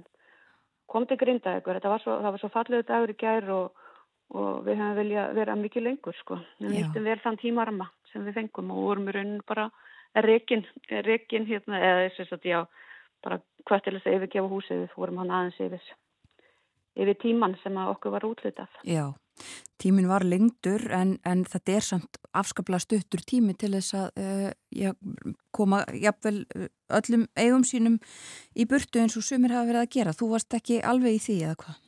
Nei, ég var svona, fekk íbúið aðvenda núna fyrsta februar sem var tóm, þannig að ég þurfti svona bara að taka það sem ég þurfti og rúm og, og, og þess að það, sofa og þess að það, en við skildum töluvert eftir í Grindavík. Já. Þetta er svona, svona stress fyrir okkur, við náttúrulega skipulagi kemur kannski að það komi skömmen fyrirvara, fólk þarf að í kaplu byrju tímana útvöða sér sendiferðarbíla og og sömur hverjir geimsluplás og þannig að við erum svona flest að fara í kannski minni, minni húsnaði heldur en við höfum áður í, í Grindavík. Já. Já, það hefur gætt svo litlar óanægu heyri maður og, og sér með það hvernig þetta fyrirkomulega hefur verið. Um, hvernig finnst þið hljóðið í fólki núna? Já, það er kannski betra held ég sko. Það fengur náttúrulega rýmri tíma og fólk var svona aðalega úsatt við þessa axtusleiðir inn og út úr bænum.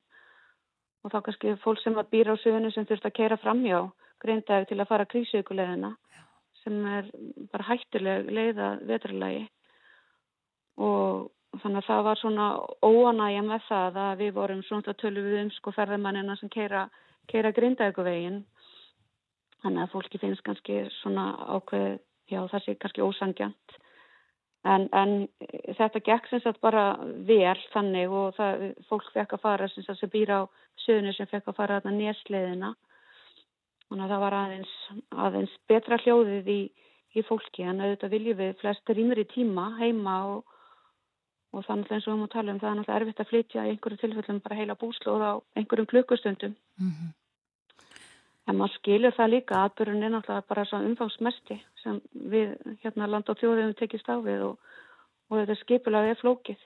Já, og fólk hefur skilning á því líka þó að auðvitað uh, sé þetta erfitt og, og kannski líka ekki síst erfitt þegar veðrið og ímislegt setur strikið reikningin og, og eins og þú segir það er skammu fyrirvari á öllu einlega. Algjörlega, algjörlega. Maður, ég veit að, að það er ekki stór hópur sem er að vinna þetta verkefni og og þessi hópur vinnur öruglega flest kvöld og helgar og að álægið er bara gríðarlega mikið á þessu fólki sko. Já. Já við er... finnum því líka alveg skilning sko. Já, já og segir, þetta er ekki stór hópur af fólki um, þá langar mig að spyrja það bara finnst ykkur uh, nægilega vel haldið utanum þetta allt sem hann er nægilegu kraftur í þessu af hálfu stjórnmálta? Sko mánu finnst í rauninni þetta taka taka langan tímum þannilega sko, þú veist, en, en hérna eftir þá að tala um varandi húsnæði eitthvað svoleiðis Já, um bara, einmitt eins og þetta, maður hefur séð þá og heyrt fólk er að uh, býða kannski lengi líka eftir sörum, það eru ymsið sem að uh, þurfa að fá aðstóð og eins og þú nefndir á hann geimsluplásin og, og, og, og allt þetta en, en svo þetta líka mitt húsnæðismálinu og fleira, það maður svona uh, gætir ekki vaksandi svona óþreyju hjá fólki Jú, það er, sko, það er alveg óþreyja og, og hérna maður, maður skilur, maður skilur þetta raunin í, í hérna báða enda. Og þannig að talað um, talað um, sko, við náttúrulega fáum, við vitum svo sem ekki hversu mikinn tíma við fáum eða hvort við fáum tíma inn í, inn í bænum. Og, og ég heyri það til dæmis í, í gæra þá, veist, það verið yfir, yfir hundra mann sem var búið að óska eftir aðstofi flutninga og, og geimslurinni. Þannig að þetta er alveg flókið og það kannski ég veit ekki hvort að lofarinn komi á þess að sé búið að, að hérna svona nýta allt saman sko. Já, einmitt. Og þá mér kannski að húsnæðismálunum. Það hefur verið talað um það að það sé að vænta snemma í februar, svona einhverjar lausnar, einhverjar, já, frá, frá stjórnvöldum, hvernig verði staðið að þessu. Það voru gefin á hvernig lofur þarna á íbúafundi í janúar. Um, ég er eitthvað að frétta af uh, útvarslu stjórnvalda, eitthvað sem að þið vitið um eða, eða vitið hvenar er að vænta? Sko, höfum, sko, ég hef alveg heyrt, heyrt einhverjar, hérna, tímasetningar en ég veit að það er bara, þingið er á fullu að vinna þessi mál og þá er margt að fara saman. En ég ætla bara innilega að vona að þetta gerist sem allra fyrst og við verðum að setja ákveðna pressa á það en En það sem mér finnst svona kannski erfiðast við, við þetta allt saman, það er að fólk sagt, er ekki búið að fá húsnæði í rauninni til, a, til að búa í núna. Alveg sama hvað verður, að, hvernig þessi uppgreifslega eða hvernig því verður háttað. En það er í rauninni bara, þú veist eins og ég heyri til þess að fjölskyldi gæð sem er að flytja í sjönda sinn í dag og er ekki komið varalegt húsnæði. Þannig að hérna, það er svona eitthvað þessi mál sem að maður færi bara stingi hjartað yfir og, og sínir kannski litla þólimæði. Já, já, að flytja sjösunum og örfa á mánuðu með fjölskyldu, það, það er ekki stað sem neitt vil veri í. Það er bara, þú veist, en ég heyri frá því í gæra það, syns þeir fjáröki fyrir kaupa húsnaða frá Bríett, það er að klárast í vikunni í, í þinginu, þannig að hérna... En þetta einhvern veginn, mér finnst þetta að taka allt of langan tíma og að sjálfsögðu finnst fólki í, í bríkni húsnæðastörf þetta vera sveikinn lofvorð og, og það, það upplifir það að enginn sé sé að grípa það sko. Já, eins og stjórnvöldið þetta hafa lofað að gera og sagst alltaf taka utanum uh, grindvikinga. Akkurat, Já. akkurat. Þið gerðuð uh, litur framkoma svona húsnæðiskönnun. Uh, eru komna niðurstöður á því hvernig svona staðan er, einhver svona mynd á þetta, uh, hvernig þessir hópar eru, hversu margir eru komnir í húsnæði, hversu marga vantar húsnæði og, og svo leiðis? Já, ég, sko, þess að tölun, hérna, sko, ég heyri til og með svaran þessar könnun að það var svona svipað hlutfall íbúa sem vildu búa höfuborgarsvæðin og suðunessjum En þetta eru, það var, sko, þetta versnar í rauninni staðan, það var svo margir sem að fóru úr húsnaði núna 15. janúar, sko. Já. Þannig að þetta eru, síðast höfu töluðum, þá voru þetta bara yfir 200, 200 íbúðir sem að þurftu inn í, inn í þetta til þess að allir væri rauninni bara komnir með húsnaði sko.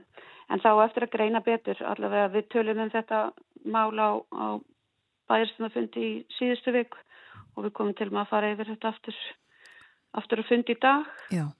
Og þannig erum við að fá líka hérna hann Solberg og, og hann Víði inn að fund til okkar og fara yfir þessa, þessa þætti í vermatabjörguninni. Hann vil ekki másla bara gott samstarf. Við komum til með að vinna með þessu fólki næstu árin.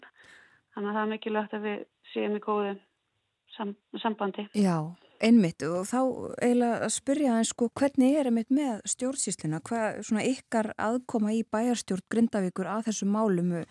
Um, er þetta allt á, á hendi ríkistjórnarinnar og lauruglunar eða sko er þetta allt saman skýrt, svona hver gerir hvað og, og uh, hvernig þetta liggur allt saman?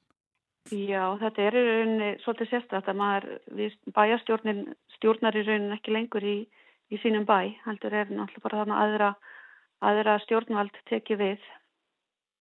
Og þannig að það er, það er sérstök staða og við ekki, við komum ekki að þessari vermatabjörgun, við heyrðum, bara, heyrðum frá henni bara þarna á, á fundi, upplýsingafundi eins og, eins og aðrir. En, en verkefni samt sem áður eru, eru æðin og, og maður upplifir það að, veist, eins og í samvinni við stjórnvöld og við þessi ráðuneyti sem er aðstöð okkur, að það er bara mikil velvild og, og, og við erum það bara, já, við erum ekki, við tökum ekki ákvarðanir fyrir ykkur, við bara gerum þetta með ykkur. Að það er notalegt að, að finna það og við náttúrulega erum búin að setja lakirnar hópa varandi mentamál og, og atvinnumál og húsnæðasmál og já, Já. þetta er svona og við erum búin að fá semst, fleiri, fleiri hendur upp á dekk Já. til að hjálpa okkur. Já. Já, við erum aðeins búin að nefna húsnæðismálin en, en tölum við þetta aðeins um atvinnumálin. Uh, fyrirtækin í Grindavík, uh, þau hafa ekki öll fengið eða hvað uh, að fara og, og huga að uh, sínu húsnæði. Nei, hún bara staðan er þungvarandi varandi fyrirtækin og þannig að voru þannig eitthvað fyrirtæki sem voru, við hafið rekstur aftur og það gætti mikillar óðanægu Mm. hjá þeim að komast ekki inn í bæin og, og bjarga þar miklum verðmætum fyrir bara öruglega 10 ekki 100 miljóna Já. og þá var kannski aðalega sjáar, sjáar út í fyrirtækin. En núna er engin starfsemi fyrirtæki í bænum og, og mörg hver hafa, hafi leita að húsnaði fyrir starfsemi sín á öðrum stað. Náttúrulega var mjög ríkt atvinnulífi Grindavík, Já. sterk sjárótusfyrirtæki og önnur mikilvæg minni fyrirtæki. Já, og staða þeirra kannski ólíka þetta, uh, þetta eru mörg fyrirtæki, margir vinnustæðir um, og, svo bárust fréttir af því í, í síðustu viku að uh, eitt fyrirtæki þurfti að grípa til hópuppsagna, starfseminni þar uh, ekki hægt að halda henni áfram.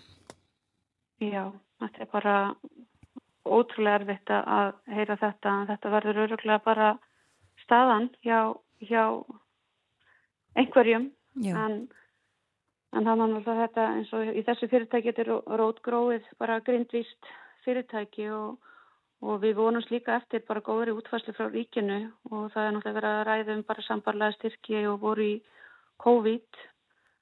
En, en það er erfitt að horfa eftir fólki með hérna, góðan rekstur kannski hverfa á braut.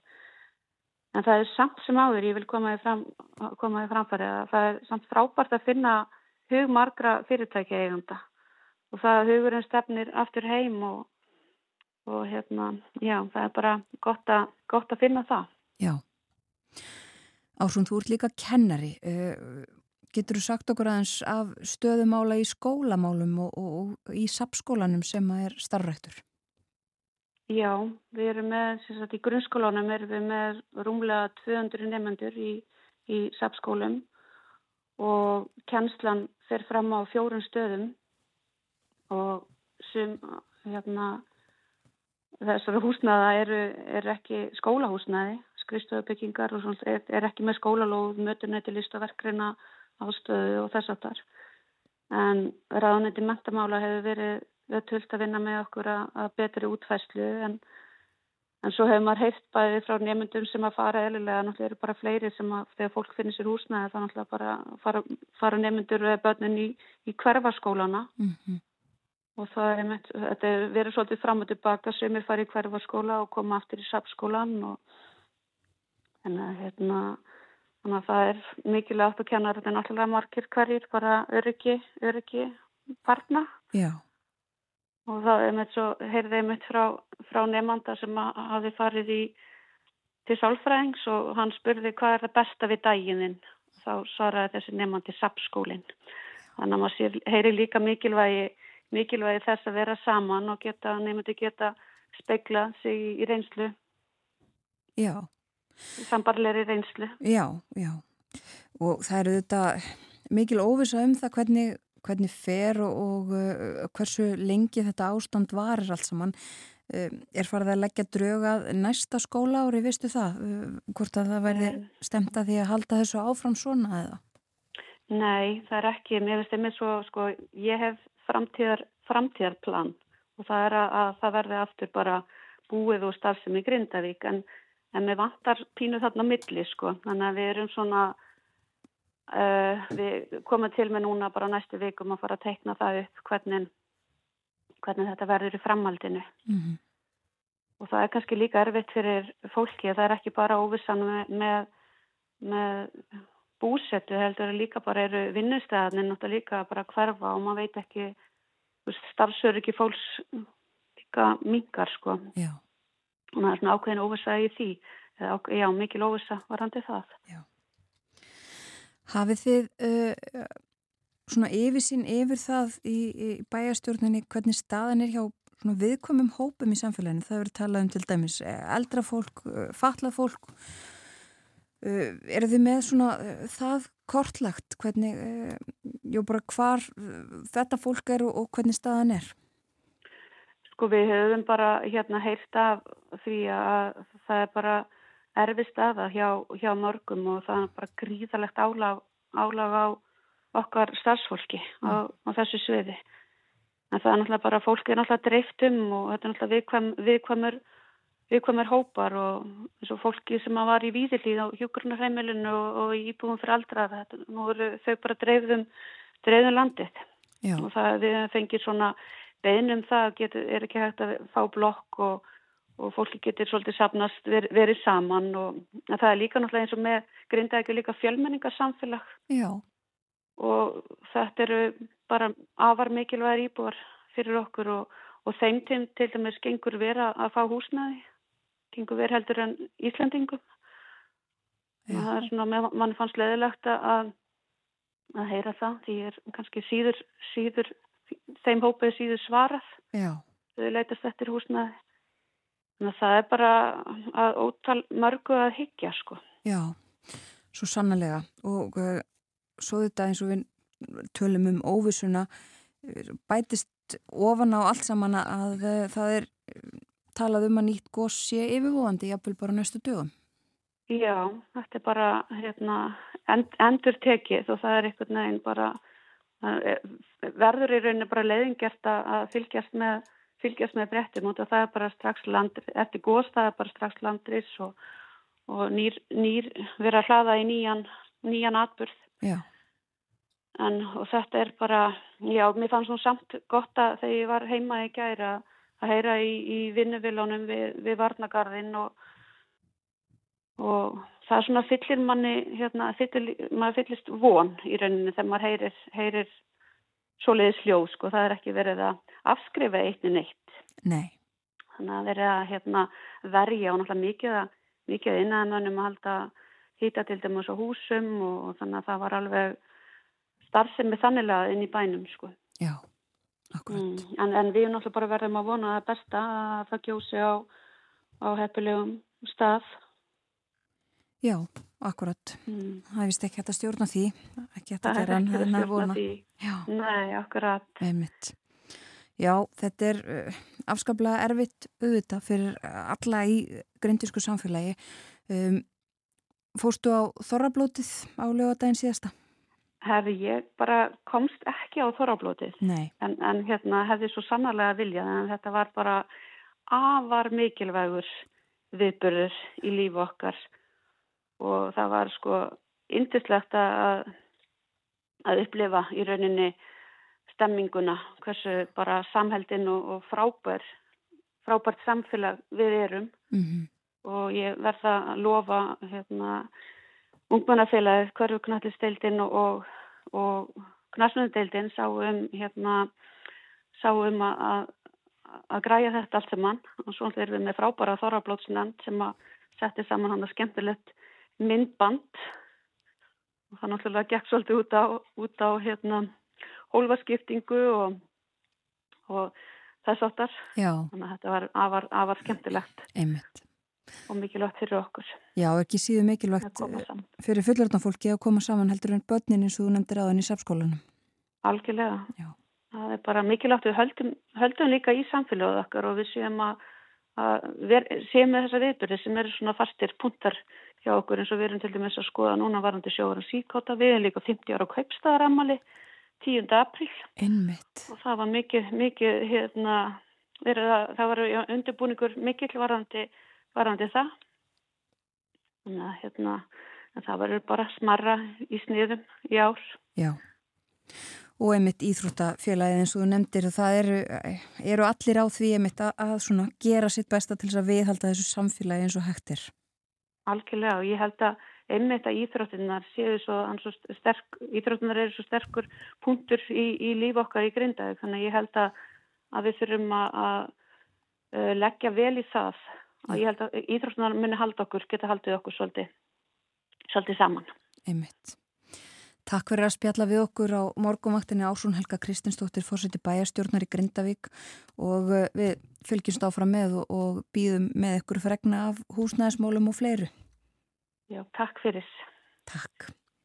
Bless. Bless, bless. Ásún Helga, já, í bæjarstjórninni. Uh, hún er líka kennari en uh, það er full vinna þessa dagana að vera að sinna bæjarstjórnar málum. Þrátt verið þessa skrítnu stöðu eins og hún fór yfir að, uh, bæjarstjórnin í Grindavík uh, fer ekki í rauninni með aðsta valdið þarna. Það eru herri, uh, herra sett stjórnvöld sem að gera það þessa dagana. Það er komið að loka morgumvaktarinnar í dag en uh, áður en við kveðjum vekjum við aðtikli á umræðu þættinum Torkinu í sjónvarpinu í kvöld í hólfinu þar sem að uh, kastljósið er vanalega og umfjöldunarefnið innflytjendur og inngilding. Og í umræðum taka þátt Tómas Krabek sem er pólveri sem að hefur búið á Íslandi í 17 ár Jasmína Vadsovik Sernak, hún er sérfræðingur í málefnum flótafólks og innflytjenda og kom hingað á barnsaldri sem flótamaður frá Bosníu. Einnig verður í umræðanum Grace Asieng sem er innflytjandi frá Ghana og sjálfstæður atvinnureikandi og þarna verða líka Ejólur Ármannsson, alþingismadur, þingmaður Flokks Fólksins, Eirikur Röggvaldsson, professor emeritus í Íslenskri málfræði og Ásildur Linnett, sérfræðingur í málefnum innflytjenda í félagsmálaráðanutinu og umsjónumenn þáttarins Sigriður Haldurstóttir og Valgeir Örn Ragnarsson. En morgunvaktinni er lokið þennan þriðutags morgun. Við höfum verið hér frá því fyrir klokkan 7 morgun og verðum það aftur í ferramálið. Bjóðum góðan dag þegar klokkunum vantar um það byrj 10 mínútur í 7. Minnum kannski aftur á að uh, það er kvast, sérstaklega á norður hlutarlandsins uh, færið þegar tekin að spillast og svo er kallt, en þá kaldara heldur en frostölunar segja til um. En við þökkum samfélgina í dag, njóti dagsins og verið sæl.